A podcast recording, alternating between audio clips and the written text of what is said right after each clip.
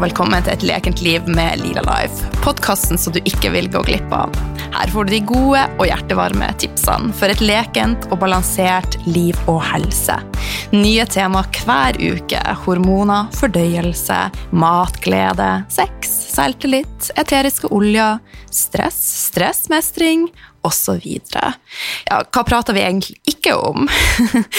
Noen ganger så har jeg med meg spennende gjester, og av og til så er det meg. Og hvem er jeg? Jeg er Oline, jeg er næringsterapeut, yogalærer, veileder i eteriske oljer, mamma, livsnyter og har ei brennende interesse for ei naturlig helse. Jeg har vært alvorlig syk i mange år, og nå er jeg 43 år og faktisk mer vital enn noen gang. Livet, det leker lite grann. Mitt mål med denne podkasten er å vise at det er mulig å gjøre en stor forskjell med små endringer, brikke etter brikke, steg for steg. Sharing is caring, og jeg blir så glad om akkurat du tar deg tid til å legge igjen en kommentar på iTunes. Det betyr at budskapet når flere, og gjerne tips en venn, naboen, en partner. Ja, du får lov å tipse faktisk hvem du vil. Et stort smil og en smask ifra Line Lila Life. Hjertelig velkommen til en ny episode av Et lekent liv med Lila Life. I dag har jeg med meg ei superspennende dame med et brennende engasjement. Margit Vea er faglærer i ernæring, helse- og miljøfag og har en master i helsefremmende arbeid med barnemat som tema. Hun har skrevet flere bøker, og boken Mat for barn vant kategorien Best Children and Family Cookbook ved Gourmand Wall Cookbook Award i 2007. Margit har også en egen matspalte i Aftenposten Junior, samt en matserie på Matkanalen TV. Hun holder matkurs og foredrag og er ei svært driftig dame. Så hjertelig velkommen, Margit. Takk. I dag så skal vi snakke om hvordan styrke immunsystemet, hvordan nærme oss det naturlige, hvordan vi kan ta vare på hagen i magen, det er sånn Margit-uttrykk som jeg liker veldig godt, eh, søppelmatepidemi, hvordan finne matglede, respekt for dyr og miljø, og vaksiner vaksinering, og jeg tipper vi kommer til å touche innom litt til. Så før vi setter i gang, så vil jeg lese opp en tilbakemelding fra en av dere lytterne. Jeg setter stor pris på alle som tar seg tid til å legge igjen en hilsen. Og denne er fra Mai Kristin. Flott podkast, Lila Life. Episode 60. Så flott og informativ. Herlig å høre at alt er bedre enn ingenting, og at en bør begynne i det små og bygge seg opp. Dette er jo helt logisk, men det er liksom noe med hva en tror, andre tenker om en, og derfor er vi kanskje litt for flinke å pushe oss for hardt tidlig, og dermed mister vi motivasjon når en ikke holder mål.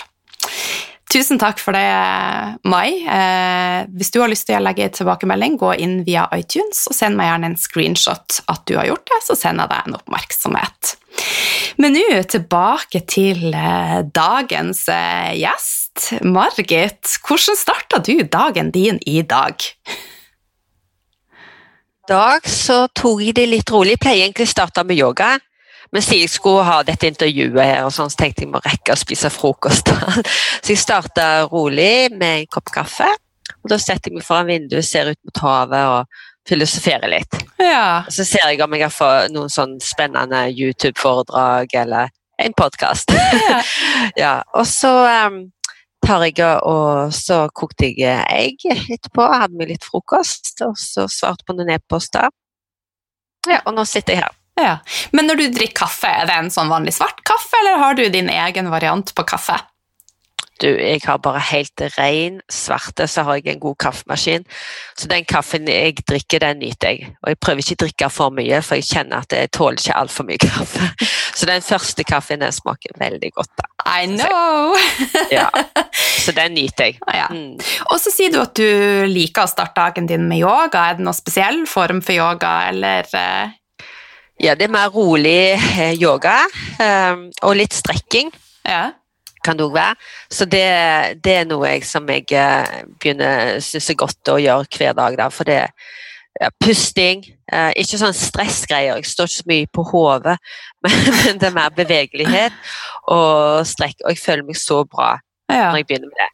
Så jeg går enten og tar et bad, Av og til så gjør jeg begge deler òg, men jeg bader jo i sjøen rett ned forbi her. Eh, eller så begynner jeg med yoga. Så det er litt sånn annenhver dag. Ja. Og noen ganger begge deler.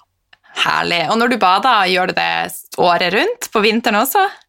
Ja, de bader vinter òg. Ja. Så jeg kommer kanskje til å ta meg et bad senere i dag. Det har blåst litt mye, og da, da syns jeg det er litt mye strøm, og sånn, så da er ikke alltid jeg bader. Men uh, det er nydelig bad. Så har jeg en nabo, og hun kommer nedom, og det kan være hun ringer på døra, for hun kommer når som helst. Og så spør om jeg vil være med ned på, på et lite bad. Så da har vi spa spa ned på stranda. Så springer vi en liten tur og dukker oss litt, og så springer vi litt til, og så dukker oss litt til, og så går vi opp. Så koselig, da. Ja, veldig koselig. Eh, Jeg har akkurat starta sjøl og bad sånn ja, jeg prøver å utfordre meg sjøl med å bade i kaldt vann, da. Og jeg kjenner jo at det er veldig godt for kropp og sjel. Så eh, hva kjenner du at Ja. gjør for deg? Det det er akkurat som å få en massasje på to minutter. Ja. Det, kroppen våkner til liv, og du blir mer positiv, og du får bare så mye energi av det. Og jeg er ikke sånn veldig tøff, jeg, og ja, litt sånn frysen var jeg alltid før, men nå føler jeg at jeg fryser mindre. Kroppen har en bedre temperatur, da. Jeg tror det er veldig bra, for det mobiliserer kroppen òg. Det gir, gir kroppen et kick. Så jeg Mm. tror det er veldig bra for immunforsvaret vårt å bade. ja. Og så sier du i dag at du spiste egg til frokost. Er det en typisk frokost i ditt liv? Ja da, det mye omelett og egg og eh, Jeg lager mye omelett, da. I dag tok jeg en litt enkel versjon, surdeigsbrød og, og, og kokte egg. Men det går gjerne ut og plukker urter i hagen og, og ville vekster, da, sånn som skvalderkål og sånt. Det har jeg Åh, omeletten, da. herlig. Så du bor litt landlig til, eller? Ja, da jeg bor landlig til. Jeg sier jeg bor i paradis, da. Å, det høres det veldig fint ut. Mm. Bor rett ved strand og ser eh, lammene tutle rundt her, og masse gule, oransje og lilla blomster på, på marka foran meg her. Og. Så det er veldig fin tid nå, når det blomstrer. sant? Ja, det er Det helt med fantastisk. løvetannen og Ja, nydelig. Ja. Mm. Du, em, jeg vet hvem du er, men det er ikke sikkert alle lytterne vet hvem du er. Så jeg har lyst til å bli bedre kjent med deg. Kan ikke du fortelle oss litt om din bakgrunn, og hvordan ditt brennende engasjement for naturlig mat og helse blomstrer til? Ja, jeg tror det er helt uh, tilbake til når jeg studerte. Jeg er ganske gammel nå, jeg blir 54 år snart. Du holder deg utrolig godt. Ja, ja, takk for det. Men uh, jeg uh, Da studerte jeg på Stabekk, som det heter, og det var det var eh, miljø, eh, var humanbiologi og miljø var en del av studiet mitt, så jeg studerte mye om eh, miljø og, og økologi da, var en del av faget. Og jeg var veldig interessert i biologi òg, så jeg vurderte å gå på universitetet og ta biologi Mm. faktisk. Um, men uh, da våkna det der miljøengasjementet. Eh, og jeg studerte alt. Jeg leste sånne rapporter fra World Watch Institute, og jeg var veldig sånn grønn da, på den tida. Og eh, litt sånn eh, opposisjon og kanskje Ja, jeg syntes eh, verden så veldig mørkt Framtida så mørk ut, så jeg Mm. skulle ikke ha barn. Tenkte jeg, jeg kan ikke få barn til denne verden som blir så forurensa. Men jeg hadde fått tre gutter, da, og det er jeg glad for. sånn sett. Men, men det er jo litt eh, den følelsen du har i dag òg, at det er så mange dårlige nyheter sant? På, Mm. på, i verdensbasis. og sånt. Så det, nei, så det begynte der, og så fikk jeg barn, og da var jeg opptatt av å lage maten fra grunnen av. og og jeg var veldig Ja, jeg kunne godt tenke meg å føde hjemme, hjemmefødsel, men det fikk jeg ikke til med de to første, for det var ingen som ville hjelpe meg. Oi. Og jeg merket det var veldig sånn, det var jo veldig fremmed å tenke på den måten. Ja. Eh, og jeg abonnerte på Økologisk mat til meg, for det var helt i startsgruppa. Og da var det veldig lite lav bevissthet da, Mm. om økologisk mat. Det var liksom Ja, du er en merkelig dame som driver og styrer med det der, og, ja, og til med lager maten og, fra grunnen av og sånn. Men da ble jo jeg engasjert. eh, Eller det var bare naturlig for meg. Så var det noen som sa Gud gir du ungene dine denne maten, du må jo skrive du må skrive en bok om det. Det var etter den første. da. Så sånn begynte jeg å skrive bøker. Spennende. Så, så, ja, så de babymatbøkene de har solgt ganske bra. Eller det har vært eh, For det var ingenting om, om dette i, i, eh, på den tida. Det var ingen bøker om dette temaet. Mm. Så det er flere som har vunnet gourmetpris i Norge da, av disse bøkene, men, men det, er jo, det er litt stas da, å få en sånn pris. Men, men de har iallfall uh, vært populære, da. Og nå er det jo flere som er engasjert, og det er flere som skriver bøker om temaet. Det er flere bloggere. Jeg oppretta nettside veldig tidlig, da, allerede for 20 år siden, mm. hvor jeg skrev en slags form for blogg. Det var jo ikke blogg på den tida, men jeg skrev dagbok om hva ungene mine gjorde og tenkte. Og, ja, så jeg var veldig sånn Jeg hadde nok skrevet blogg på den tida, hadde vært blogg, men det var en form for blogg var det. Ja. Så har det bare økt, og så har barna mine blitt større. Sant? Så har jeg engasjert meg i skole, ungdomsskole. Uh, så har jeg begynt å holde kurs, og så har det utvikla seg etter hvert. da. Mm. Og så har det vært naturlig at etter hvert så har jeg bare gitt uh, kostholdsveiledning. Uh, og spesielt rett for foreldre kanskje med barn i, med, med, spesielle behov. Blant annet autisme har jeg vært jeg engasjert i. Kosthold for autister.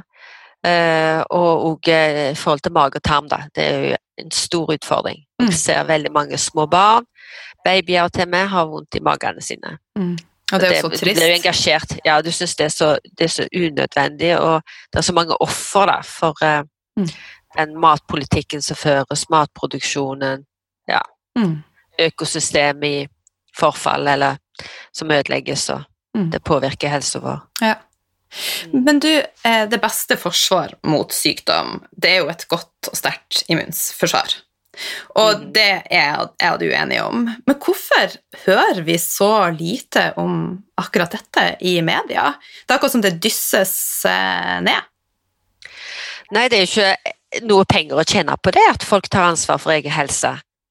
Det forundrer meg virkelig at ikke noen står opp nå og sier imot eh, imot myndighetene. Mm. Men så lurer jeg på om de rett og slett ikke har kunnskap.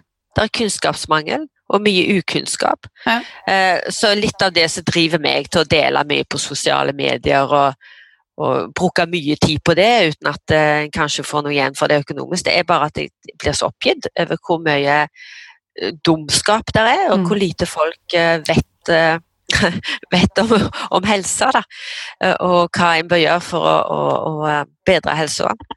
Og så ikke minst hele helsesystemet, altså hvordan helse, helsetilbudene er bygd opp, og hele, hel, helsevesenet da, er ut på kjøret, syns jeg, da Er min mening. Altså det som jeg ser, og som jeg også prater med Nils Christian Gelmyten om, er jo at vi kanskje i for stor grad stoler blindt på det vi blir anbefalt. At vi ikke tør tenke sjøl og kjenne ja. etter for hva er det faktisk som er rett for meg.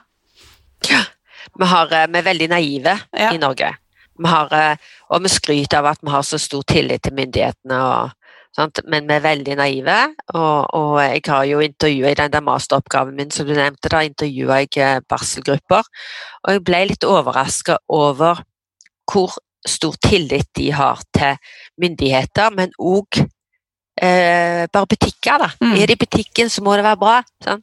Ja. Og de leser aldri på innholdsfortegnelsen, for det må jo være bra når det selges i butikken. Mm. Eh, så naive er vi. Mm. Og eh, ja, og det å ha sånn tillit, det er ikke bare positivt, da. Nei, det er ikke det. Ja, Å gå i flokk sånt, ikke stille spørsmål, det er ikke bra. Det er ikke at verden går framover. Verden går framover med folk som eh, tenker sjøl og våger å være annerledes og, og ja, du er jo, litt upopulære valg. ja, jeg må jo si du er ei lita tøffa, for jeg, jeg kjemper den samme kampen som deg, men jeg tør ikke så, å gå så hardt ut, så det syns jeg er fantastisk. Og en av tingene som jeg leste på Instagram-profilen din, er nå siterer jeg derifra. Det er fascinerende, samtidig skremmende å registrere at så mange eh, av de samme rådene som gis offentlig på Madagaskar av produsent og leger, vil i Norge bli straffet med bøter med henvisning til markedsføringsloven. I Norge blir alle som anbefaler urter, te, oljer eller hva som helst annet som ikke er medisin eller vaksine, kjeftet på og satt i gapestokken. Skam oss som tror det er mulig å støtte immunforsvaret med sjaga, te, urter, tingtur, essensielle oljer, ingefær, C-vitaminer osv. Fortell litt, Margit, om bakgrunnen eh, for at du skrev det, dette, og hvorfor tror du vi har fjerna oss sånn fra det naturlige? For vi har jo en gang vært mer i kontakt med naturen og dyrene og miljøet. Har vi ikke? Jo, vi har jo det. Ja. Og, og, noe var bedre før, blant annet. Ja. og så når du, jeg nevner Madagaskar er jeg veldig opptatt av, for jeg vokste opp der faktisk. Jeg bodde der i åtte år. Jeg, jeg var der også som 25-åring et år og jobba. Og, og det er et fantastisk land og fantastisk folk. Og i det landet, der har de brukt eteriske oljer. Det har vært deres medisin. Mm. De bruker grønne planter, de bruker urter. Jeg kunne fortalt veldig mye om det. Men når du går i, i eh, byene der, så er det alltid en hel haug med sånne butikker som selger urter, eh, eteriske oljer, homeopatisk medisin, for det er naturlig for deg å bruke. Sånn. Um, men, men jeg tror dette her styres fra sterke krefter. Det er penger det handler om. altså Fall of the money, sier de. Sant? Mm. Og nå begynner jeg, jeg er forundra over den naive tilliten, eller hva skal jeg si, da, um, beundringen og, og, og eh, sånn som eh, Erna Solberg og regjeringen har til Bill Gates, f.eks. Mm. Eh, Hva er hans historie? Hva, hva, vet de hvem han er? Hvorfor har denne mannen så mye makt? Og det at en privatperson har så mye makt, det bør jo få folk til å stille spørsmål, eller ja, Mm. eh, ta alt han sier med en klype salt, om vi skal si det sånn. Og bare det at han har store eierandeler i et firma som Monsanto, som produserer gift, rett og slett, som har ødelagt så mye helse i verden, bl.a. i Afrika, da? Og, og manipulert folk og hjernevaska folk til å tro at det er bedre de, det de produserer, kunstgjødsel og sprøytemidler, enn sånn som de har drevet og dyrka jorda i, i flere hundre år. Sant? Eh, Det at vi tror på sånne mennesker med makt, det ødelegger veldig mye. Det har gjort oss eh, det har, skapt frem, det har gjort oss fremmede da, for det som var opprinnelig, sånn, sånn som det var tenkt å være.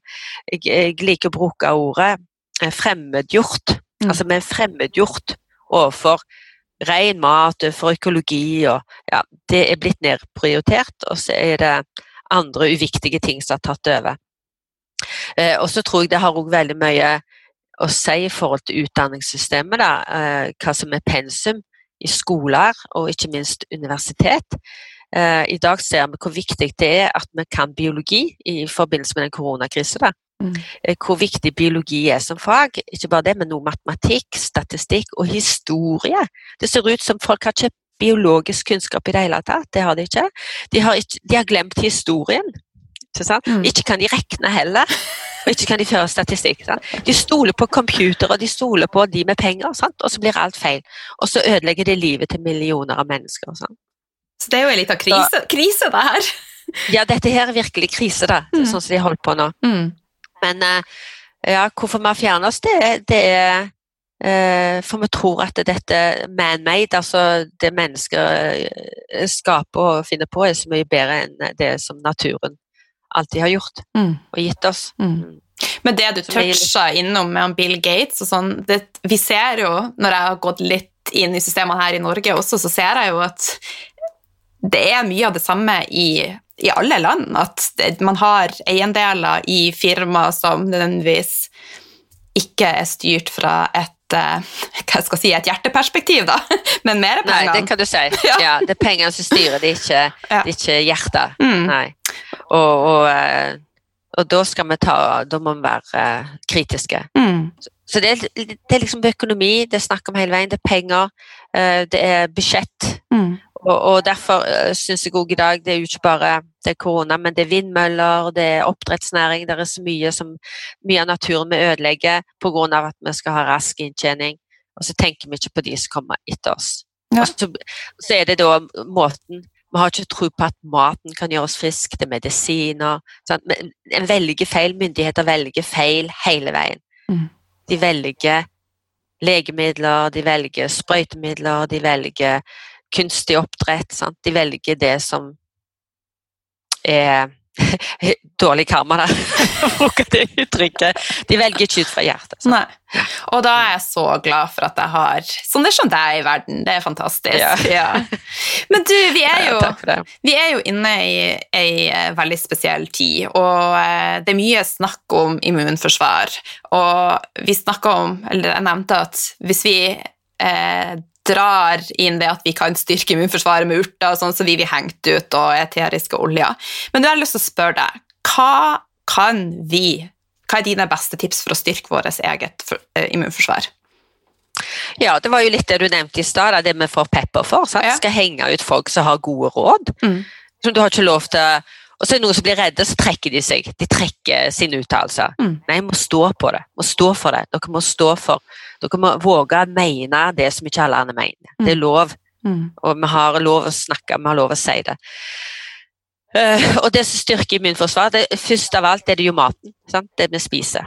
Det har veldig stort, uh, stor påvirkning. Og, og, immunforsvaret er veldig sterkt knytta til vårt indre jordsmonn, tarmen. Mm. Vi vet at immunforsvaret ligger i tarmveggen. Sånn 70% av forsvaret vårt er knytta til, til, tarmen og tarmveggen. Og da har du mye problemer med mage og tarmflora og mikrobiom. Masse ubalanse i ditt indre jordsmonn. Er det erosjon der, for å si det sånn? Er det dødt? Lite vekst av, av lite frodig der, og lite næring, så blir det jo problemer. Og Da får vi òg problemer og utfordringer med vårt immunforsvar. Eh, så det er helt logisk, tenker jeg. Så jeg forstår ikke hvorfor de, ikke kan, eh, hvorfor de benekter det, eller ikke kan innrømme at kosthold har veldig mye å si for immunforsvaret. Eh, og det indre jordsmonnet det blir jo påvirka av veldig mange faktorer. da. Nå, snakket vi litt om yoga i stad, og det er jo både fysisk aktivitet og så er det òg en slags stress du stresser ned med det. Sant? Det er god, et godt verktøy for stressmestring. Mm. For stress påvirker immunforsvaret, tarmen. Da. Det påvirker de mikroorganismene som er i vårt indre jordsmonn. Stress er negativt, mangel på fysisk aktivitet er jo ikke bra. For vi trenger å være fysisk aktive. Vi er skapt til å være fysisk aktive og de mikroorganismene i jordsmonnet, for å si det sånn, bruk alle de makkene vi har innvendig. Hvis du tenker sånn jord ute, sånn, så er det det samme, bare det innvendig hos oss.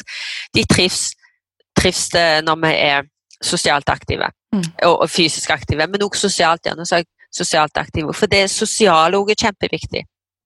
For når vi er sammen med andre mennesker, så gjør det òg eh, vårt eh, Det påvirker faktisk immunforsvaret vårt. Både psykisk, men òg fysisk, rett og slett vi får jo mikroorganismer fra de vi er sammen som er med på å berike jordsmonnet vårt. Og så er det jo bra for psyken vår at det òg er med på å berike det. Mm. Um, så sosiale faktorer er viktig. Syk, fysiske faktorer, at vi er aktive, sant? at vi ikke stresser, er viktig. Og så har du det med toksiner, da, gift, giftstoffer. Jeg nevnte sprøytemiddelrester, medisiner. Jeg, jeg, har jo tre gutter, og, og de har jo en del venninner og så sier jeg Og det er jo så mange som sliter med helsa av unge jenter. Mm. Ja. ja Nevn noen som ikke er syke, da, sier de til meg. Sånn. Det er jo helt galt. Eh, men jeg syns jo synd i de jentene, så jeg har jo lyst til å samle de her og si hva er det med Der er Jan òg, som er opptatt av dette, og prøve å fortelle dem hva kan dere gjøre nå, før dere tenker på å få barn og etablere dere. For det er så mye som påvirker den helsa til disse unge jentene. Mikrobiomet deres. De har IBS, en del av IBS, de har angst. De har, svært mange har uh, menssmerter. Uh, store menstruasjonssmerter. Uh, ja, de har gjerne problemer med sex. Altså de, de mister sexlysten, og det er jo pga. hormoner kanskje en tar. Sant? De har urein hud. Det er veldig mye som, som unge jenter sliter med i dag. Og Jeg husker da jeg var ung, ung jente, det var ingen som snakket om helse da på den tiden da jeg var 18 år. Vi var friske hele gjengen. Og nå er det et tema. Mm. Alle har vondt i magen sin nesten, eller veldig mange sliter med mage og tarm. Og, og eh, ja, mye styr. Um, så hormoner påvirker tarmfloraen. Mikrobiomet, alle medisinene vi tar, antibiotika. Altså Dere som er litt yngre, dere har gjerne fått mer antibiotika enn vi som var eh, på min alder, i 54 års alder, men veldig mange på min alder også sliter med helse, som har tatt uh, for mye antibiotika. For det påvirker jo mikrobiomet. Mm og andre medisiner. Eh, og toksiner, ja, da gjelder det jo sprøytemidler, som jeg sa, og andre giftstoffer. Det kan være noe i mat og vann, og Gilby nevnte du, han har jo skrevet en del bøker om dette temaet. Eh, og luft. Sånn. Nå snakket de om luftforurensning, der er det flere dødsfall av koronavirus. Altså, det er jo ikke koronaviruset de dør av, men det er følgende da, av altså virus kom inn i kroppen, så er det måten immunforsvaret vårt responderer som skaper trøbbel. Mm. Så alle dør med viruset, de er ikke av det, på en måte. Det er en reaksjon på det. Eh, men de sier at er det høy luftforurensning, så er vi jo mye mer utsatt for å bli syke av virus og bakterier. Og, eh, eh, og det er et stort problem i mange byer, ikke sant. Eh, så vi har ulik form for forurensning som påvirker oss. Og så har du det med fisken i havet, sant? som blir eh, mer og mer berika med tungmetaller, for, tungmetaller, for å si det sånn. At jeg, jeg, har jo problemer med å anbefale gravide å spise fisk, vet du. Mm. Når du leser forskningen. Mm. Og da er det gale, da. Det er veldig, veldig trist. Ja. Jeg, jeg veier obs på akkurat dette, og det ligger jo ute nå offentlig informasjon om hvor mye kvikksølv som faktisk er i fisk, så det er jo veldig, veldig trist. Eh, Ja. ja, det Og et, det er veldig trist. En, ting jeg ikke nevnte, men som også er veldig viktig, da, det er eh, om, du føder, om du er født eh, naturlig, eller om du er tatt med keisersnitt, for det påvirker mikrobiomet. Og en annen faktor er babymaten, da, som jeg har vært så, så opptatt av i alle år. Og jeg har snakket med Tore Midtvedt, og jeg har snakket med jeg har snakket med eh, ja, flere andre forskere òg om eh, akkurat det med eh, morsmelkerstatningen og babygrøter, at det er veldig dårlig mat for de små tarmene. Eh, og morsmelkerstatning sto faktisk på lis- lista over det som eh, trigger, eller som eh, har en negativ effekt på mikrobiomet, ja, til en av verdens fremste forskere innenfor mikrobiom, så var morsmelkerstatning en av de faktorene som var negativt. da.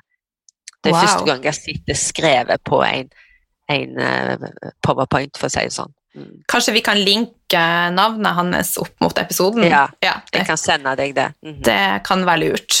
Men du har jo du har nevnt veldig mange ting her. Men Hvis vi skal bryte litt ned altså, Jeg har jo sjøl vært uh, veldig mye syk, men jeg har uh, Ja. Spist og levd meg relativt frisk, da, så jeg er symptomfri. Så hvis jeg hadde kommet til deg nå og har vært ei av de her damene som du nevnte, som har mye ubalanser, eh, hvordan råd ville du ha gitt da i forhold til kosthold? Altså hvordan, og eventuelt andre ting? Prøv å bryte litt ned. Hvordan skal jeg Ja. spise og leve? ja, nei, jeg har jo en del sånne kurs som går, ut, eh, går over flere uker og sånt, for jeg tenker det er viktig for de som virkelig har problemer og utfordringer, å, å begynne med én ting om gangen. Ja. For blir det for mye, da gir en fort opp. Ja. Jeg må ta ett skritt om gangen da. Eh, og det første jeg snakker om, det er hva er din historie? Hva har du opplevd i ditt liv? Mm. Så, begynner med det. Eh, og jeg tenker på min historie, bruker den som et eksempel. Er, er det, hvor jeg levd? Jo, jeg reiste til Afrika. Der var det jo DDT som var blitt sprøyta. Det var sikkert noe igjen i jordsmonnet der jeg fikk eh, ja, dyrka maten jeg fikk å spise da jeg var liten. Og vi måtte ta mange vaksiner, for vi var jo i Afrika. Og så ditt og så datt, ikke sant. Uh, og ikke fikk morsmelk så lenge heller. Så sånn, vi har alle vår historie som gjør, er gjerne en årsak, da. Bidrar til, til de uh, utfordringene vi har. Og når du vet det, så ok, så begynner vi, og da tenker jeg det er viktig å, å uh, gi tarmen hvile og bygge opp den. Først reparere, og da er jeg veldig på det med kraft. Eh, jeg har sett at det funker bra da. Det er ikke alle som drikker kraft og spiser kraftsupper, men det er en enkel måte å starte på, og det er veldig effektivt. Mm. Så jeg, eh, jeg eh, anbefaler de å begynne med kraft, en kraftkur, da, altså drikke kraft og gjerne også fett, for fett demper betennelser. Og da er det fett som kokosfett og, og eh, klarna-smør, eh, olivenolje, eventuelt god tran hvis en får tak i det. Så det er viktig, det er gode fettkilder. da. Eh, og kraft det inneholder jo de eh, aminosyrene som bygger opp tarmveggen, for det er jo den som er skadeødelagt. Ofte er myeline, altså det slimlaget på innsiden av tarmen, er også spist opp eventuelt av eh, Det kan jo være bakterier jo vi har, som er sykdomsfremkallende, virus og patogener, altså protozoer. Mm. Så, som, som skaper betennelser, produserer også toksiner. Så hvis en da bare drikker kraft, så får ikke disse her eh, sykdomsfremkallende bakteriene mat heller, men vi lapper tarmene som nødhjelp for tarmen. Og så etter hvert år så bygger vi den opp med riktig mat, og da er det prebiotisk mat med mye fiber, som, skal, som er mat for de bakteriene vi skal ha mange av i tarmen, eh, de som vi trenger, som skal gjøre viktige oppgaver for oss, for kroppen vår. Og så er det probiotika, som også er viktig. Det må vi ha tilført jevnlig. Uh, ja, god, god og rå, rå gode råvarer, for å si det sånn. Og det er like viktig å unngå det som skaper betennelser, som trigger. Ja. Sånn, så ultraprosessert mat, sukker, stivelse og melk. Melk eh, kan være et stort problem for mange. Ja. Slimdannende. Så, så, jeg tar sånn trinn for trinn, da. Og så når en har gjort det, så er det ikke alltid Noe blir veldig god bare for andre på kostholdet. Mm. Uh, men det er andre som har mer dyptliggende problemer og trenger kanskje å ta noen tester. Og jeg er sånn at jeg er, jeg er ikke redd for å si det engang, men jeg har brukt mye kinosologi og homopati, og det har funka bra for meg. Uh, så om de, folk mener det er placebo, ja vel, det har iallfall funka. Så får de tro hva de vil, sier jeg. Men jeg har brukt det på ungene, og det løye det er like mye placebo da om de går til lege som om de går til homopat. Men vi har sluppet antibiotikakur på dem da. Sant? Fantastisk. Ja. Ja. Uh, og, da jeg, og da kan du få disse resultatene mye kjappere og på en mye billigere måte enn om du sender inn til, til lab og sånn. Men det er opp til hver hva de vil gjøre. Men det går an å sende inn avføringsprøver blodprøver, se om du har noen intoleranser, om du har bakterier i tarmen som ikke bør være der, om du har eh, patogene, eh, om du har protozoer, altså ja, amøbe eller ikter som ikke er bra. Mm. Eh, for noen har, noe skal vi ha, men det blir for mye når, når de gode bakteriene forsvinner eller er litt utryddet, utrydningstrua. Sånn, så vokser det jo fram. Da får de mer plass, da. Ja. Når, når kattene er vekke, så danser musene på bordet sitt. Og det skjer i tarmen vår òg. Noen, noen, ganger trenger vi litt hjelp da, til å se om det er noe mer spesifikt. Og når vi får tatt det, så blir òg mange bedre. Og så kan jeg begynne å ta litt tilskudd og sånn. Men så lenge det ikke er så godt Så lenge tarmveggen er sjuk ja. og, og, ikke fungerer, så er det ikke opptak heller effektivt. Så om du er mye i sol og til meg som var så mye sol og har masse D-vitamin og sånn eh, Nei, eh, med D-vitamin hadde jeg kunne, kunne hatt nok, hadde mangel pga. en patogen. Ok. Mm. Huh. Sånn er det. Ja. Og jeg spiser kjempesunt og sånn. sant? Så det, men, og noen, noen har òg høyt nivå av enkelte tungmetaller, og det kan en finne ut med å ta noen prøver. da. Mm. Det kan være greit å se da, så fins det protokoller for å bli kvitt det meste. Det gjør det, men det viktigste her er jo som du allerede har nevnt, vi er alle unike, vi har alle vår historie, sånn at vi må faktisk ta vår egen reise her. Og det er jo ikke ja. noe fasit på hvor lang tid det tar. Og, nei. Nei. og jeg tenker jo, livet er jo ei reise, så den dagen det stopper opp, så det er ikke noe artig. Vi må jo være under utvikling. ja. ja. Det, det, er sant, og det er ikke artig å ha dårlig helse, så den reisen er verdt å ta. Absolutt. Ja. Men du, hvis du nå eh, kunne få lov å utarbeide et prosjekt for ei bedre folkehelse 2030 i Norge, hvilke tiltak ville Margit satt i gang?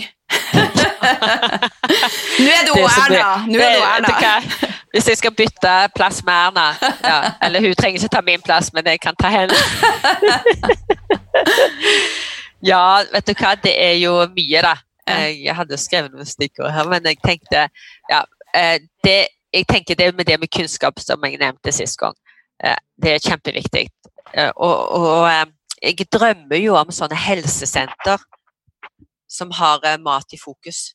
Altså, hvor, hvor, hvor, matkurs er en del av behandlingen. hvor en kan få ta de testene en trenger for å se om man har ubalanse. Jeg ønsker å øke forskningen på hvordan medisin og vaksiner påvirker tarmfloraen, for det er veldig lett å gjøre. Det er noe av det første jeg hadde gjort. Uh, altså det med grønn medisin, bevegelse, fysisk aktivitet, stressmestring, arbeid og sosialt fellesskap, styrke møterom for det. Altså alt er mer sånn holistisk tenkning mot helsa, da. Og, og at alle helsestasjoner i Norge var bygd opp på den måten. Mm. Forebyggende. Og begynne da spesielt med de helt uh, unge mødre og fedre. At de uh, får, uh, får, lære om hva som er god mat for ungene. At det begynner tidlig. For, begynner tidlig. Når, for når du får en baby, vet du, så har du lyst til å gjøre hva som helst. Du kan, du kan til og med forandre ditt eget kosthold. Ja. det har jeg erfart. og det er veldig bra, bra tidspunkt å begynne. Men så må en òg øke da kunnskapen om mat i barnehager, skole, ungdomsskoler og ikke minst eh, og universitet og høyskoler. Mm. Det bør implementeres i alle fag. Mm. det med kosthold, for det er veldig viktig. I forhold til bedrifter, vet du, tenk hva de kunne tjene på å ha litt mer fokus på kosthold og mat. I forhold til ansatte, eller holistisk tenkning. Absolutt. Stressmestring og Ja. alt dette. Mm. Så det er undervisning, kunnskap på alle nivå, fra barnehage til universitet, prioritert, samt eh, gjøre noen omrokeringer på alle helsestasjoner og sykehus, at sykehusmaten blir en del av medisin. Ja. Det er jo skremmende altså når jeg har vært inne på sykehus og, og fått barn, og også når sønnen min han har vært en del syk, da, han er autist, så eh, Og når han våkner opp fra narkose, så står de klar der med is. Og bare 'Skal du ha en is?' Og Jeg husker han altså han fikk jo den isen, man kan jo ikke si nei heller. Kasta opp Nei. og ja, Det er trist, sånn at jeg, jeg kommer til å stemme på det. Ja. oh, men du vet altså, nei. Jeg, jeg vet ikke om jeg er egnet til å styre, men jeg, eh, jeg liker å være en pusher da, på Ja. sidelinjen. Ja. Og jeg har invitert mange politikere til kaffe, men de våger ikke treffe meg lenger. Nei, veldig få. Seriøst? Ja, seriøst. Send invitasjon. Ja. Mm. Jeg inviterte faktisk han eh, Kåre Willoch til podkasten min. Ja. Ja, og han ringte meg og eh, takka for invitasjonen, så det var veldig hyggelig. Men jeg tror han er i litt Ja. dårlig form. Så han syns jeg en, Mm. har veldig mye gode Mm. verdier og har skjønt litt i forhold til det med bærekraftighet. I hvert fall lite grann, syns jeg. Ja, han har det. Ja. Ja. Så, Jeg syns han har sagt ganske kloke ting nå på, nå på slutten av livet sitt, holdt på å si, de siste åra. mm. Det er helt sant. ja, så han, eh, han gir meg tro på at det meste er mulig, altså. Ja. Ja, det, jeg, tror, jeg tror at vi mennesker kan omstille oss. Jeg har tro på at vi kan ta tak. Mm. Men det, dessverre så må vi ofte ha kniven på strupen før det skjer. Ja. Men, men det som er, jeg syns er skremmende, er at vi er litt eh, naive i forhold til myndigheter. Da, for det er myndighetene som ødelegger for mennesker. Mm. Med vanlige folk vil. Mm. Og jeg føler jo ofte at det er lettere å, å eh, få fire millioner, å påvirke fire millioner, fem millioner innbyggere i Norge enn å påvirke politikere. Ja, det er det er Det er veldig skremmende. Ja. Tungt å få forandre systemet da. Ja. Veldig tungt. Mm. Vi har vært inne på det med matkvalitet, eh, og vi har jo Ja. i stor grad, eh, i hvert fall veldig mange Jeg, jeg ser en sånn at det er en splittelse. altså Det er noen som bare er mer og mer engasjert og skal lage alt og være selvforsynt, men det blir et større sprik mellom eh, oss i samfunnet. da. Eh, og vi inntar jo mer fastfood og eh, ultraprosessert mat enn noen gang, og vi vet jo lite om cocktaileffekten av dette. Hva skjer? Hvordan, hvordan kan vi snu dette for hele samfunnet og få mer matglede inn til også de små, da, og mer respekt for dyr, miljøet? Det er et veldig stort spørsmål og tema. Ja. Hvordan skal vi snu det? Ja. Um, og det er jo litt med det vi snakket i stad, hva ville jeg gjort hvis jeg var en Mm. var Erna Solberg? altså det, det er jo mye kunnskap det handler om, men jeg blir jo litt overraska, for jeg tror at folk begynner å våkne litt. Og så bare går jeg i butikken og så ser jeg hva folk spiser rundt meg, og sånn, så tenker jeg «Åh, er vi kommet noe lenger, da? Sånn. Og så jeg tenker jeg spesielt på sånn lettbrus og Mm. børn og alt det drikka. All den der syntetiske drikka. Bare det. Hadde bare fått vekk det. Ja. For det nytter jo ikke å begynne å tenke på tarmhelse hvis en fortsetter å drikke Pepsi Max, for det skader mikrobiomet. Mm.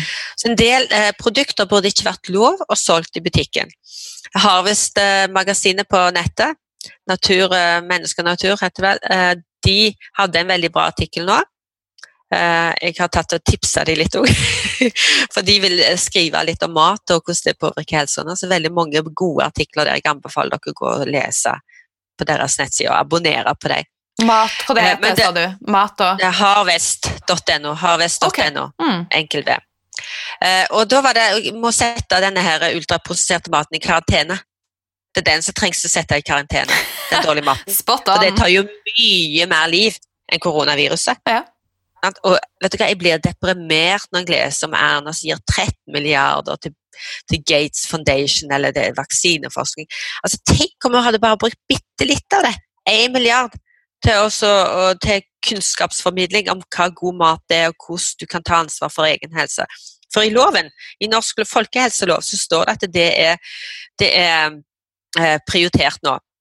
det med at folk skal ta ansvar for eh, egen helse. Vi skal gjøre folk i stand til å kunne ta ansvar for egen helse. Men det de gjør, det er stikk motsatt. Mm. De gjør folk mer avhengige av legemidler. De gjør folk mer syke. Mm. Vi tillater at, vi får, at butikkene får selge så mye dritt. Sånn 90% av det som selges i butikken, er jo ikke bra. Det er mye sprøyta grønnsaker og frukt.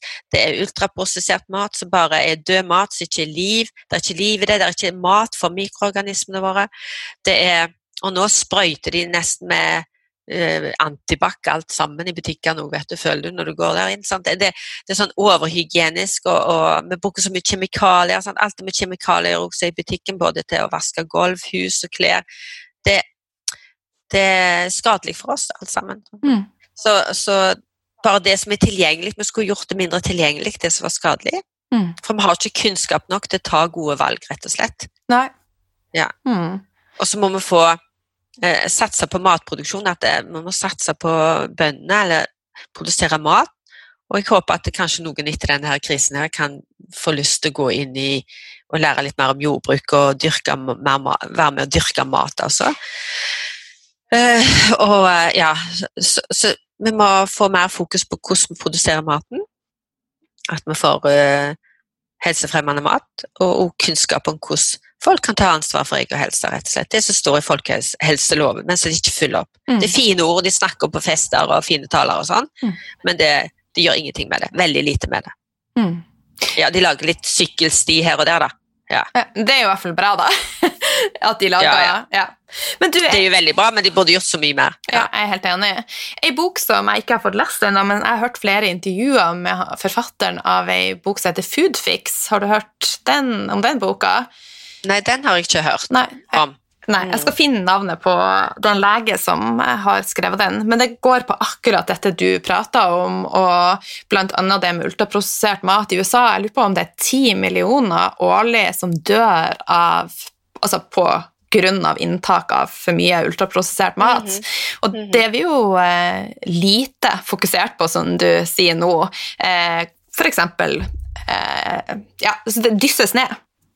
Mhm. Ja, så Det, det dysses ned. Og, og i Amerika da, så leste jeg at 90% av mikrobiomet, eller bakteriefloraene i tarmene på amerikanere, er, er ødelagt. å si. De har bare 10% gjennomsnittlig. Det er, er, det er i dårlig forfatning. Det er, det er, altså, det er ørken innvendig på alle amerikanere, eller de flere, veldig mange amerikanere. Da. Og i Norge også så har vi Veldig mange har en fattig tarmflora da, og veldig lite bakterier. mm. Og så Sammenligner norske barn med afrikanske barn, så har de afrikanske ungene dobbelt så god eh, eh, Altså 50 høyere eh, variasjon da, av eh, mikro, mikrobiom, altså bakterier og virus sånt i tarmen sin. Mm. Mikroorganismer i tarmen. Det har veldig store følger for helsa. Ja. Tenker du at dette kan ha en sammenheng med den trenden vi ser nå i samfunnet, hvor flere og flere rammes av autoimmune sykdommer, intoleranser, astma, Ja. ADHD? Ingen tvil. Ja. Det er ikke tvil. Nei. For når, for, når du får eh, opp eh, balansen i det indre jordsmonnet, altså i mikrobiomet, så blir en friskere. Mm. Da begynner kroppen å fungere. Mm. Men det er akkurat å se en plante det ute i naturen. Sant? Er det dårlig næring, så dør den. Mm. Ikke, vi trenger en liten vi trenger, vi har egentlig I utgangspunktet skulle vi hatt eh, en liten sånn, eh, sånn flotte skog, urskog eller ja, innvendig, og så er det blitt eh, en sånn kjedelig hveteåker som holder på å dø ut, håper jeg. Ja.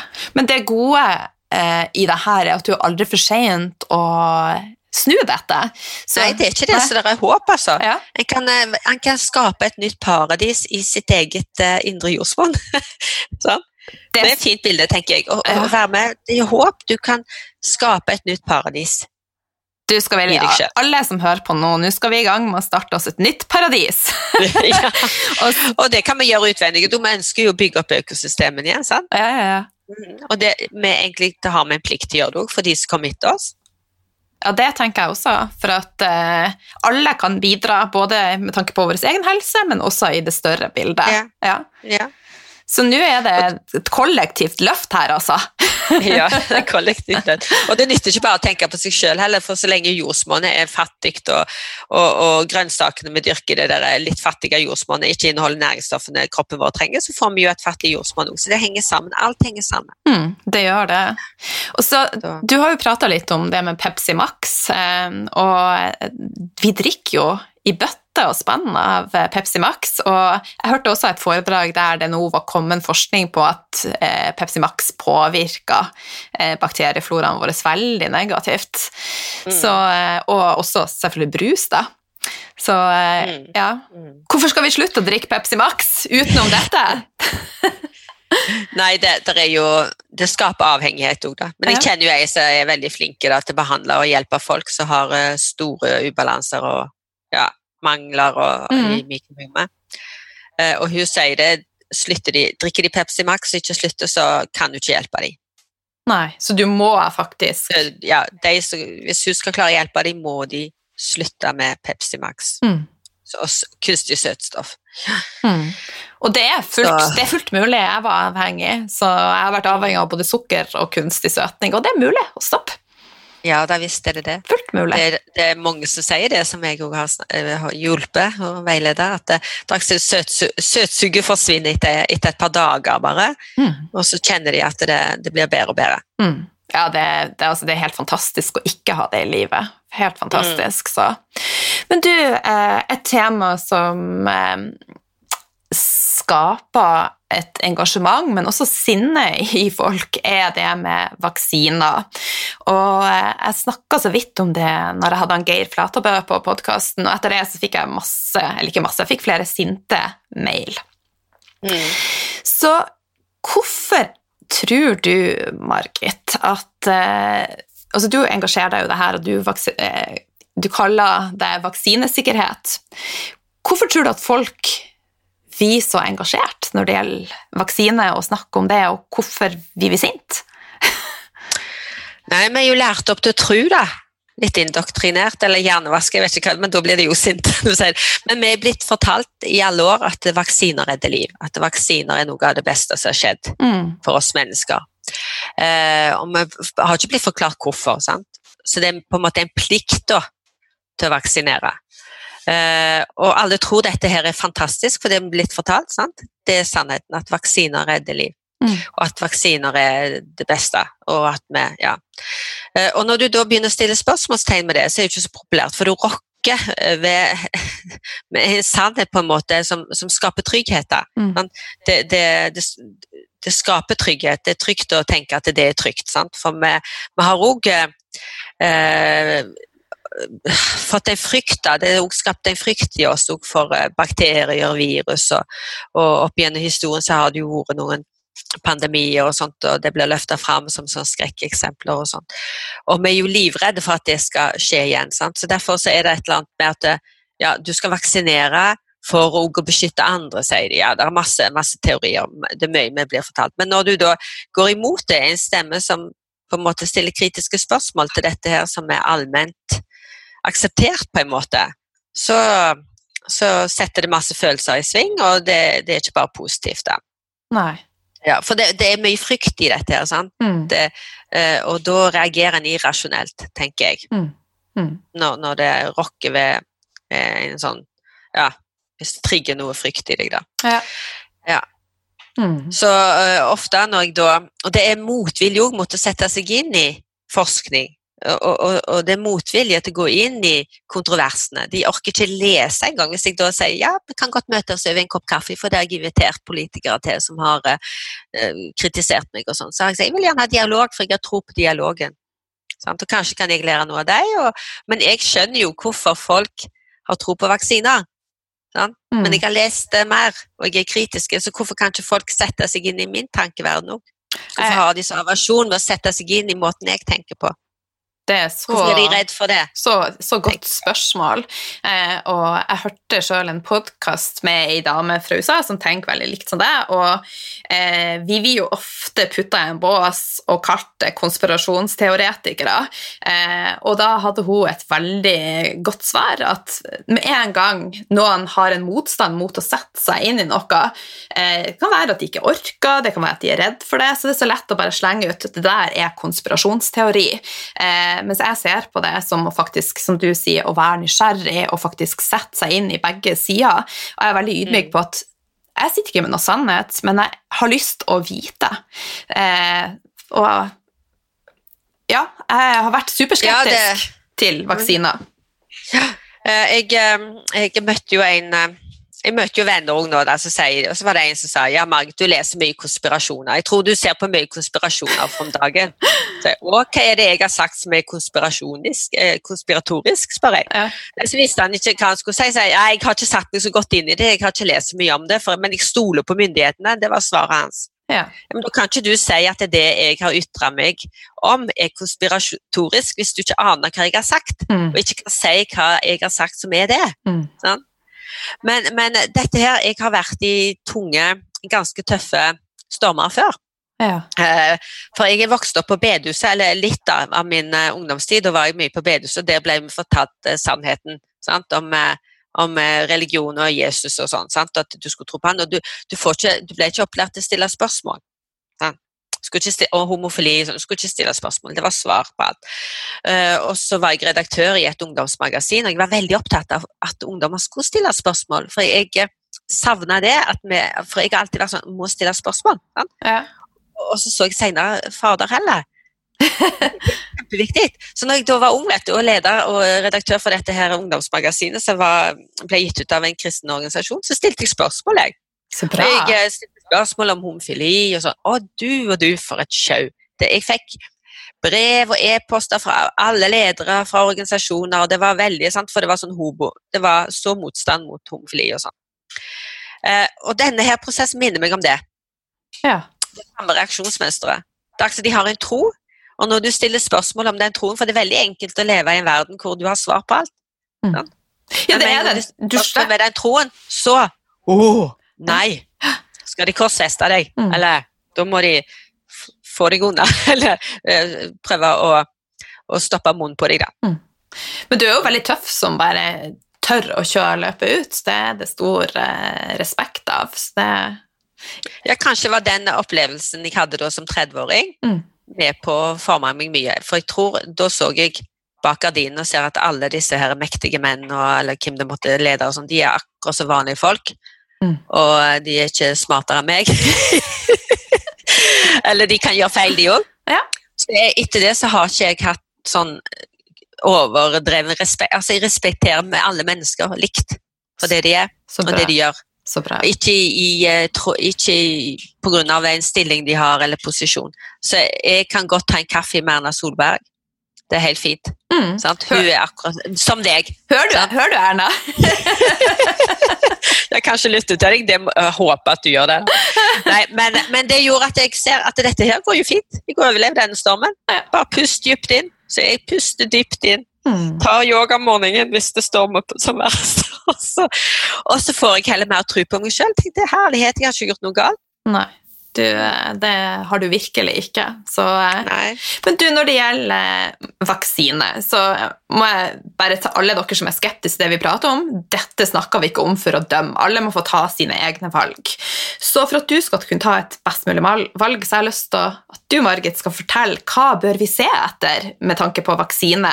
Hva er det egentlig du er redd for, og hva er du skeptisk til?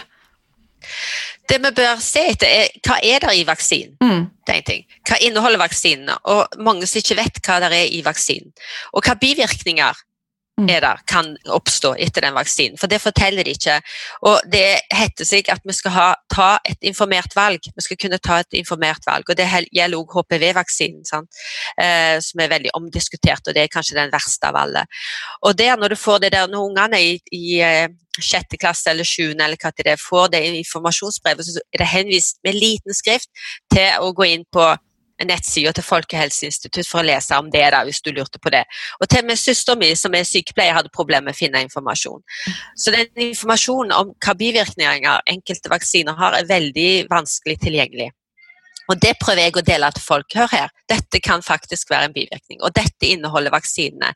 Er det bra? Hvis du sender de til giftsentral for eksempel, og spør om de, de, ingrediensene i vaksinen uten å si at det er fra vaksine, om vi, og hva om vi har dette i huset og har det små barna Å nei, det må dere ikke ha, for det er livsfarlig. sant? Formaldehyd og alt det der. Det, det er dårlig. Um, og så bør dere sette dere inn i hva, hva type bivirkninger det er. Ja. Uh, og um, hva sikkerhetstesting som er foretatt. For det er så mangelfull pga. at de, de, som produserer vaksiner, de, ikke, de kan ikke stilles til ansvar om noen blir skada. For det er det myndighetene som gjør, for de har fratatt de det, det ansvaret. Mm.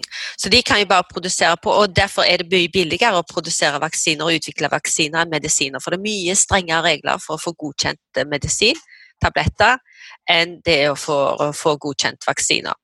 Så Derfor er det mye mer penger i vaksine, siden det ikke kan bli eh, stilt til, ansvar altså for rettssak. Så det jeg ser i forhold til HPV-ofre, eh, de som er blitt syke av den vaksinen her i Norge, så når de søker om erstatning fra Pasientskadenemnda, så, så, får de kanskje ikke det. Og hvis de skal gå til rettssak, så er det jo Helsedirektoratet eller helsemyndigheten i Norge som både er aktor og forsvarer i saken, og det henger jo ikke på greip i det hele tatt. Og når du ser hvem som skal være sakkyndige, så er det jo en veldig tett kontakt til, til vaksineprodusenten som holder foredrag for Merk til meg. Hm. Så, så, her er det så mange interessekonflikter. Og det er òg interessekonflikter, hva er penger, hvem er som har uh, aksjer i dette her, og, og, ja Det der bør en sette seg litt inn i. Mm. Og det er sånn hysj-hysj. Ja, det er det. Så det, jeg kjenner at det, det, er nesten litt skummelt å prate om det på podkast, men jeg tenkte er så viktig. Og det er jo sånn Jeg har jo òg begynt å stille litt sånn spørsmålstegn med han eh, Bill Gates og hans tilknytning til vaksiner, og når jeg ser hvilke andre verv han har, og hvor han har eh, eierinteresser, så er det jo noe som skurrer. Og så er det veldig eh, eh hva skal jeg si, Det er veldig vanskelig å finne ut hvor, hvem er det som bestemmer egentlig, hvordan er dette her bygd opp. Men det er en del unge folk som er utrolig smarte, som har en del podkaster og YouTube-kanaler som jeg eh, kjenner til nå, som, som prøver å forklare hvordan det hele henger sammen.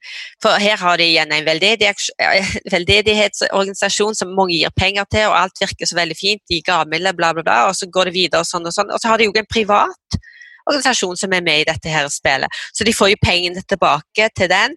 Og så Hvem sitter i styrene? Jo, det er de samme folka som sitter litt her og litt der. Og oppstår var det han Fauci, og der var den, og der har vi Erna. Så det er de samme folka, og veldig mange med utrolig stor makt og mye penger. Mm. Eh, er en del av dette jeg kaller det spill òg, altså. Men, men det undrer meg veldig at ikke journalister eller media er mer opptatt av å dukke i dette her og få fram mm. alle disse korrupsjonene som foregår, alle rettssakene som er blitt stilt for, um, for disse vaksineprodusentene og legemiddel, legemiddelindustriene. De har jo så mange liv på samvittigheten, og det er flere som har jobba Uh, nå så jeg nettopp en sånn YouTube-video av ei som jobber i Merck, som forteller om korrupsjonen og hvordan de jobber, at hun ble så skeptisk etter noen år, og hvordan hun ble møtt. Ja. Eh, det der er, der er mange, mange, som går ut og, og, informerer om dette, men så har du da òg sensurering på, på, YouTube, på Facebook, for det at uh, hvem er som eier YouTube, hvem er som eier Facebook, hvem er som styrer Google? sant? Mm. Bill Gates har jo eier vel 40% av Google eller noe sånt. Ja, det er Ja, det er, Jeg husker ikke alle tall i hodet, men det er eh, vi må ikke være naive, da. Vi, må, vi, må, vi, har ansvar for vår egen helse, og vi har lov å stille spørsmål og sette oss inn i problematikken. Men det er komplekst, og det er vanskelig å forstå. Det er mye rare ord. Eh, så egentlig burde helsepersonell gitt Eh, bedre informasjon til alle som kommer der. Jeg husker selv når jeg var mor. Jeg hadde, visste veldig lite om dette, men jeg hadde en kjempedårlig magefølelse hver gang jeg skulle ta ungene med meg til helsestasjonen for vaksine. Og han ene sønnen vår hadde masse ørebetennelse, og det begynte etter første vaksinen. Og han var veldig urolig de første månedene. Han, aldri, han skulle aldri hatt den vaksinen han fikk da. Nei. Så han, det, hadde veldig, det påvirka både han og vår familie og bla, bla, bla i flere år. Mm. Eh, og det er en veldig kjent bivirkning, da, otis media. Det er ørebetennelse. Og når vi hadde små, det var ikke en familie, ikke et vennepar av oss, ikke hadde en unge med dren i øret, så tenkte jeg sånt er ikke naturen lagd. Det er ikke sånn det skal være. Sønnen min har eh, også det, og han har til og med måttet operert inn ny trommehinne. Eh, Ja, det er samme historien hos oss, du. ja. Og Ja. det var et år med skriking hos oss. Ja. Det, ja. Men jeg visste Og Gud, ikke at og Gud, ikke foreldre å gå gjennom det som jeg gikk gjennom der, og, og, og andre unger, og så mye smerte. Og begge trommehinnene hos han vår ble ødelagt, og han har fått nye, nye der. Men han kunne ikke være med i militæret pga. for dårlig hørsel. Sant? Så det, det påvirker jo livet deres livet liv ut. da. mm. Um, men at det, og så har jeg prøvd å undersøke, for jeg ville skrive om det, prøve å få statistikker. Men det fins jo ikke, så spør jeg er det noen som forsker på det i Helsedirektoratet. Nei, det er ingen som forsker på det. Nei. Ja, dette burde de jo ha forsket på når så mange får ørebetennelser. Hvorfor har de ikke statistikk? Hvorfor forsker de ikke på? Hva at de økte det? Mm. Ja. Mm. Og så er det vaksiner. De er tatt av fra markedet, for det hadde for store bivirkninger. Men det får vi ikke heller høre om. Og den ene vaksinen var da når jeg hadde små barn. Ja. Da var det den ene eh, DPT-vaksinen. Den ble tatt av programmet, for den hadde for for uh, den hadde alvorlige bivirkninger. Den tok de vekk. Men så er det når det blir tatt av programmet, så blir det ikke fjerna. De bruker det opp først. De gjør det? Eller, send, ja, ja, eller sender det til Afrika, sier de, men det har jeg ikke undersøkt så veldig om. Men de har dårlig rykte i Afrika òg, sånn som Madagaskar, så vet jeg, for det er dødsfall som skjer, og da blir de veldig skeptiske til, til vaksiner når de får sånne erfaringer, vet du. Mm. Det. Mm. Så Der er det rykter, og det snakker de om at nei, det er jo, vi får eh, eh, eller vi får det som ikke er god nok kvalitet for Vesten. Det sender de til oss. Det snakker de om der. Ja. Men du, et siste Nå skal vi begynne å runde av, men et siste spørsmål om det med vaksine. For at jeg får ofte høre hos de som er veldig pro vaksine, da, at det er et egoistisk valg å ikke ta eh, vaksine for at vi da setter andre mennesker i fare. Hva er dine tanker om det? Egoistisk å tenke på ungene. At ikke de skal få kroniske sykdommer, sier jeg da. Er det egoistisk av meg å si at nei, mine barn, jeg ønsker ikke at de skal få kroniske sykdommer. Jeg vil ikke at de skal få astma. Eh, Ja, for det er høyere Jeg er overbevist om det. at det er En, en ting er jo maten òg, så det er mange faktorer som spiller inn her, men vaksine kan òg spille inn. Og jeg har lyst til at eh, Hadde jeg valgt i dag, så ville jeg at uh, ungene mine skulle i større grad ha fått utvikle et uh, immunforsvar på egen hånd. For det at vaksiner der er, der er, Det er hvordan er det immunforsvaret virker, det er også det for dårlig kunnskap om. For det, eh, for eh, det er to typer forsvar i kroppen vår, og vaksiner det, det er liksom eh, det ene kun. Så det andre blir ikke, ikke en del av det, det immunforsvaret når du vaksinerer deg. Da, si sånn. Så når du opplever sykdom sjøl, så blir du immun for livet. Mm. Mens når du får vaksinere, så må du jo ha nye doser, for det det er ikke nok med én vaksine. Så er det forskjell på om vaksine er oral eller injisert. alt det. Så jeg, jeg er for at de forsker på vaksinen, men at de gjør en grundig forskning og har skikkelig eh, placebo. Eh, altså at de kontrollerer det på en mye bedre Har ordentlig gull, etter gullstandarder. Mm. Eh, at det er ordentlig placebo, at de ikke bare sammenligner med en annen vaksine. For da ser vi ikke bivirkningene hvis den andre vaksinen også har samme bivirkninger. Det må være nøytral placebo de sammenligner vaksinen med. Og det gjør de ikke. Nei. Så lenge de ikke gjør det, så er ikke vaksinene trygge i mitt hode. da. Eh, så jeg, eh, og jeg tenker vi har gjort oss litt avhengig, eller ikke bare litt, avhengig av meslingvaksine. For det når, har, når det ikke er naturlige meslinger, så har ikke mine altså, Hvis jeg hadde hatt små barn, da, så hadde ikke de hatt mulighet til å blitt smitta og fått utvikla immunitet mot meslinger pga. at alle er vaksinert. Sant?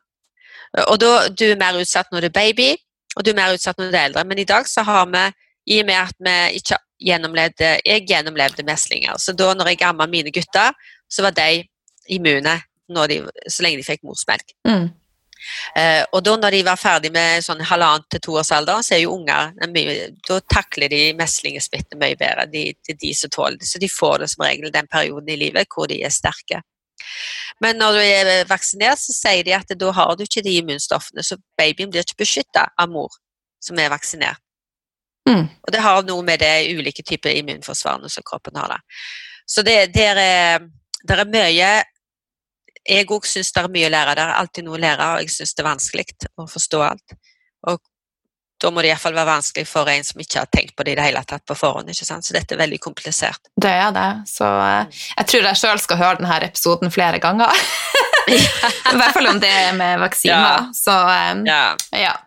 Men, eh, men iallfall trygge at det er ordentlig forskning, og dere som er interessert, der er no, der er, jeg kan sende deg noe fra Verdens helseorganisasjon hvor de sitter og diskuterer vaksinetrygghet. De selv, i lukka rom, for utad sier de at den er trygg og effektiv, men innad så er de kjempeengstelige, og de diskuterer hvordan de skal få trygghet, at de må gjøre flere, mer forskning, at det ikke er godt nok, og de vet ikke hva de skal svare helsepersonell som begynner å spørre nå, for det er flere og flere leger og helsesøstre, spesielt i Amerika, for der er de mye mer aggressive, de får mye mer flere vaksiner, og de begynner tidligere. Mm. Og der ser de større bivirkninger enn vi i Norge, for vi begynner ikke fra dag én.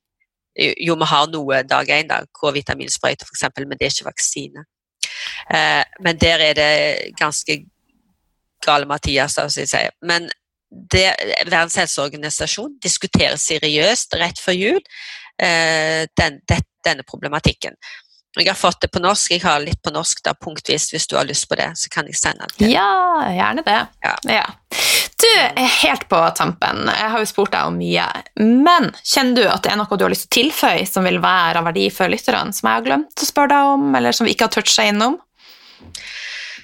Ja, eh, jeg kan si ta jeg kan, eh, ja, som, som mødre, da, foreldre, men kanskje vi mødre kjenner mer på den der magefølelsen, sier vi. Ja. Og jeg har, sett, jeg har erfart det når jeg går etter magefølelsen, da angrer jeg aldri. Så bra. Og når jeg går imot den, da angrer jeg. Ja. Og iallfall ikke gjør noe med det først, da angrer jeg etterpå. Da har jeg tatt feil valg ofte. Så, så han, han gubben min ville sikkert fnyst av meg når jeg sier det. men jeg er ganske rasjonell, ja, rasjonell lego, men akkurat det har jeg sett Ja. har stemt veldig. Ja. I forhold til når ungene gjerne er syke eller noe i tvil. Så kjenn på magefølelsen. Det. Og så har jeg òg et sånn hørte en uh, afrikansk professor som snakket om mat og sånn. og hva- Hvis jeg skulle et, gi et enkelt råd til, hvordan, ja, til folks lytterne om hva som kunne gi bedre helse, så var det God made it good. Og Da tenker, kommer det fra naturen, tenker jeg, så er det bra. Ja. Man-made, mad, sa det. Så generelt, da. Og da gjelder det mat. sant? Og jeg tenker også, For meg så er det også sånn hvis det blir for mye man-made med det med medisiner, og sånt også, så er det ikke bra. Det var et veldig, veldig fint ja, ordtak. Ja, God made, good. Man-made, bad. Fantastisk. ja, Det er amerikaneren, vet du. Ja. Veldig fint. Men det er lett å huske. Jeg syns han var bare så skjønn, han her. Ja, det, var, det skal jeg ta med meg videre. Siste Mm. spørsmål. Har du ei bok utenom alle de fine du har skrevet, som du vil anbefale til eh, lytterne? Ja, vet du hva, faktisk, det, når du sier det, så tror jeg jeg vil anbefale ei bok. Skal vi se, nå må jeg flytte maskinen gå med den. For den skulle jeg gjerne hatt sjøl når jeg var eh, mor. Eh, og den ble skrevet på 80-tallet. Så jeg tenkte dette var jo sånn informasjon og kunnskap som ikke var tilgjengelig for meg. Ja. da. Det ble ikke skrevet om det, det ble ikke snakka om det. sant? Og den heter How, How to Raise a Healthy Child. Ok. Som heter Ro, uh, Robert Medelson, som har skrevet den. Uh, og han har òg sikkert en del på nett og sånn, men det er sånn helt enkelt om hvordan kan du gjøre det eh, eh, uten at du måtte tre, trenge en lege hele veien. Altså, det mer å ta ansvar for egen helse. Så den, den, den er jo gammel bok, men den er egentlig veldig fin. Altså. Ja. Tusen takk for det. Det er mange andre òg, Ja. selvfølgelig. Nei, men Det er alltid, alltid fint med, med nye tips. Så, eh, Mm. Men jeg er litt, helt før vi avslutter, jeg er litt nysgjerrig. Er mannen din med på samme tankesett og sånn som du, eller er dere eh, forskjellige? Vi er litt forskjellige, ja. Og det har vært litt tøft etter tider. Ja. Ja, for dette er jeg kjempeengasjert i, men for han kan bli too much. sant? Mm. Uh, og eh, eh, sånt i forhold til homopati, det har ikke han tro på, men det bruker jeg. Så jeg husker noen ganger små, så lurte jeg meg bare uten at han visste det.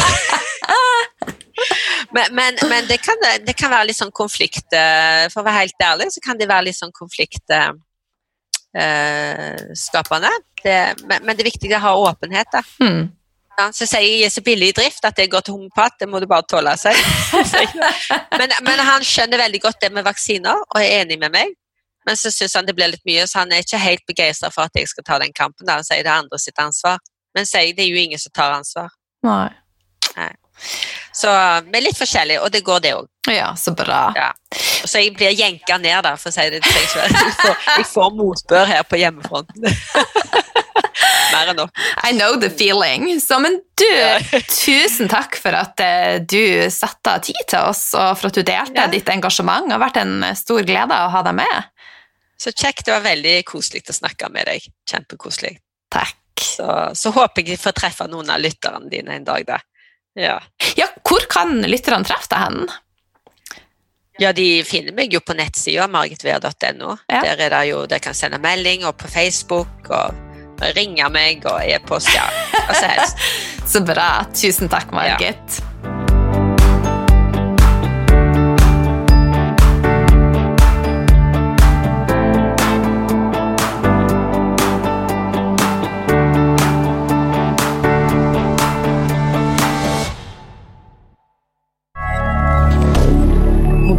Moderne media.